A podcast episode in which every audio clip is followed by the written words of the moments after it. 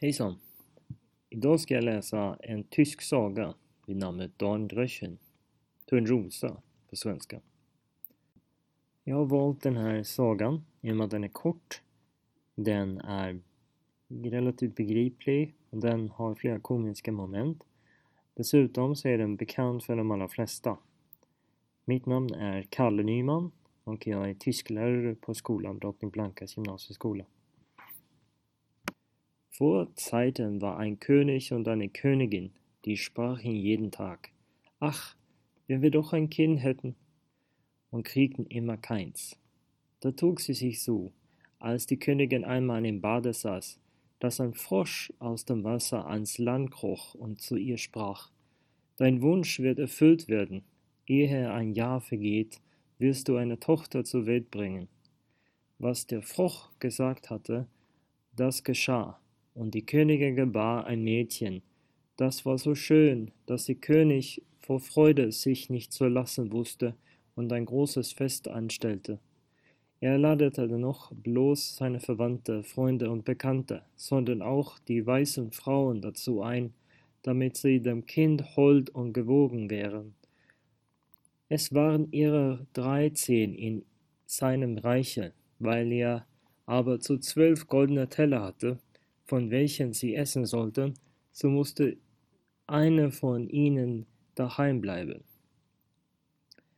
Das Fest ward mit aller Pracht gefeiert, und als es zu Ende war, beschenkten die weißen Frauen das Kind mit ihren Wundergaben, die eine mit Tugend, die andere mit Schönheit, die dritte mit Reichtum und so mit allem, was auf der Welt zu wünschen ist. Als Elfe ihre Sprüche eben getan hatten, trat plötzlich die Dreizehnte herein. Sie wollte sich dafür rächen, dass sie nicht eingeladen war, und ohne jemand zu grüßen oder nur anzusehen, rief sie mit lauter Stimme, die Königstochter soll sich in ihrem fünfzehnten Jahr an ihr einer Spindel stechen und tot hinfallen. Und ohne ein Wort weiterzusprechen, kehrte sie sich um und verließ den Saal.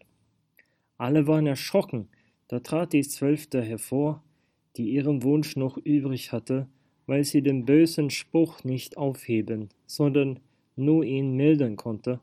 So sagte sie, es soll aber kein Tod sein, sondern ein hundertjähriger tiefer Schlaf, in welchen die Königstochter fällt. Der König, der sein liebes Kind vor dem Unglück gern bewahren wollte, ließ den Befehl ausgehen, dass alle Spinde im ganzen Königreiche verbrannt werden. An dem Mädchen aber wurde die Gaben der weißen Frauen sämtlich erfüllt, denn es war so schön, sittsam, freundlich und verständig, dass es jedermann, ehe es ansah, lieben haben musste. Es geschah, dass an dem Tage, wo es gerade fünfzehn Jahre alt ward, der König und die Königin nicht zu Hause waren und das Mädchen ganz allein im Schloss zurückblieb. Da ging es alle Orten herum, besah Stuben und Kammern, wie es Lust hatte, und kam endlich auch einen alten Turm. Es stieg die enge Wendelbretter hinauf und gelangte zu einer kleinen Türe.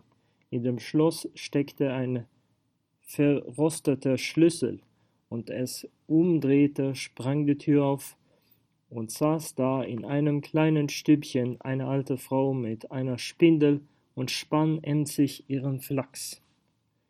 Guten Tag, du altes Mütterchen, sprach die Königstochter. Was machst du da? Ich spinne, sagte die Alte und nickte mit dem Kopf. Was ist das für ein Ding, das so lustig rumspringt?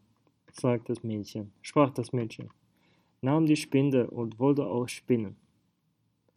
Kaum hatte sie aber die Spindel angerührt, so ging der Zauberspruch in Erfüllung, und sie stach sich damit in den Finger. In dem Augenblick, in dem Augenblick aber, wo sie den Stich empfand, fiel sie auf das Brett nieder, das da stand, und lag in einem tiefen Schlaf. Und dieser Schlaf verbreitete sich über das ganze Schloss. Der König und die Königin, die eben heimgekommen waren und in den Saal getreten waren, fingen an, einzuschlafen und der ganze Hofstaat mit ihnen. Da schliefen auch die Pferde im Stall, die Hunde im Hofe, die Tauben auf dem Dache, die Fliegen an der Wand, ja das Feuer, das auf dem Herde flackerte, ward still und schlief ein. Und der Baden hörte auf zu brutzeln, und der Kochen, der Koch, der den Küchenjungen, weil er etwas versehen hatte, in den Harren ziehen wollte, ließ ihn los und schlief. Und der Wind legt sich, und auf den Bäumen vor dem Schloss regte sich kein Blättchen mehr. Rings um das Schloss aber begann die Dornenhecke zu wachsen, die jedes Jahr höher ward und endlich das ganze Schloss umzog und darüber hinaus wuchs, dass da nichts davon zu sehen war, selbst nicht die Fahne auf dem Dach. Es ging aber die Sage in der Land vor dem schönen Schlafe der Dornröschen, denn so war die Königstochter genannt, also dass von Zeit zu Zeit Königssöhne kamen und durch die Hecke in das Schloss dringen wollte. Es war ihnen aber nicht möglich, denn die Dornen, als hätte sie Hände, hielten sie zusammen, und die Jünglinge blieben darin hängen, konnten sie sich nicht wieder losmachen und starben eines jämmerlichen Todes. Nach langen Jahren kam wieder einmal ein Königssohn in das Land und hörte, wie ein alter Mann vor der Dornenhecke erzählte, es sollte ein Schloss dahinter stehen, in welchem eine wunderschöne Königstochter, Dornröschen genannt, schon seit hundert Jahren schliefe und mit ihr der König und die Königin und der ganze Hofstaat.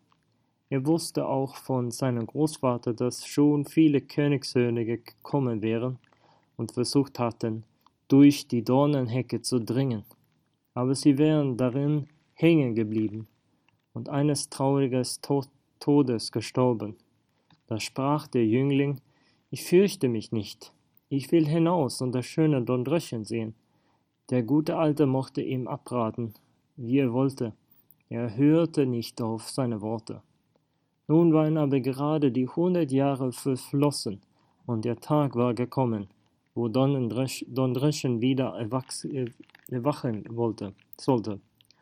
Als der Königssohn sich der Dornenhecke näherte, waren es lauter große schöne Blumen, die taten sich von selbst auseinander und ließen ihn unbeschädigt hindurch, und hinter ihm taten sie sich wieder als Hecke zusammen.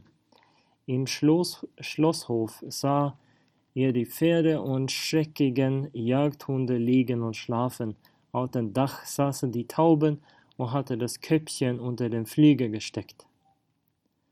Köpfchen, lietet Hüwe also.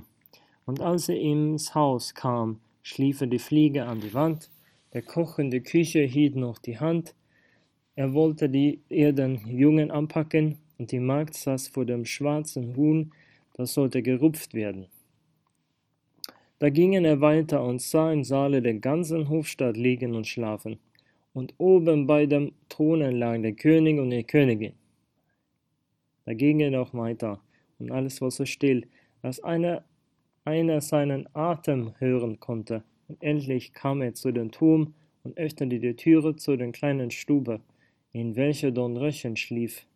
Da lag es und war so schön, dass er die Augen nicht abwenden konnte, und er bückte sich und gab ihm einen Kuss.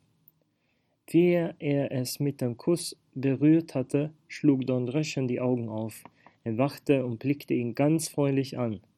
Da gingen sie zusammen herab, und der König erwachte und die Königin und der ganze Hofstaat und sahen einander mit großen Augen an. Und die Pferde im Hof standen auf und rüttelten sich, die Jagdhunde sprangen und wedelten, die Tauben auf dem Dache zogen das Köpfchen unterm Flügel hervor, sahen umher und flogen ins Feld. Die Fliegen an den Wänden krochen weiter, das Feuer in die Küche herub sich, flackerte und kochte das Essen. Der Braten fing wieder an zu brutzeln, und der Koch gab dem Jungen eine Ohrfeige, dass er schrie, und der Magd rupfte das Huhn fertig. Und da wurde die Hochzeit des Königssohns mit dem Dornröschen in aller Pracht gefeiert und die lebten vergnügt bis an ihr Ende. Vielen Dank.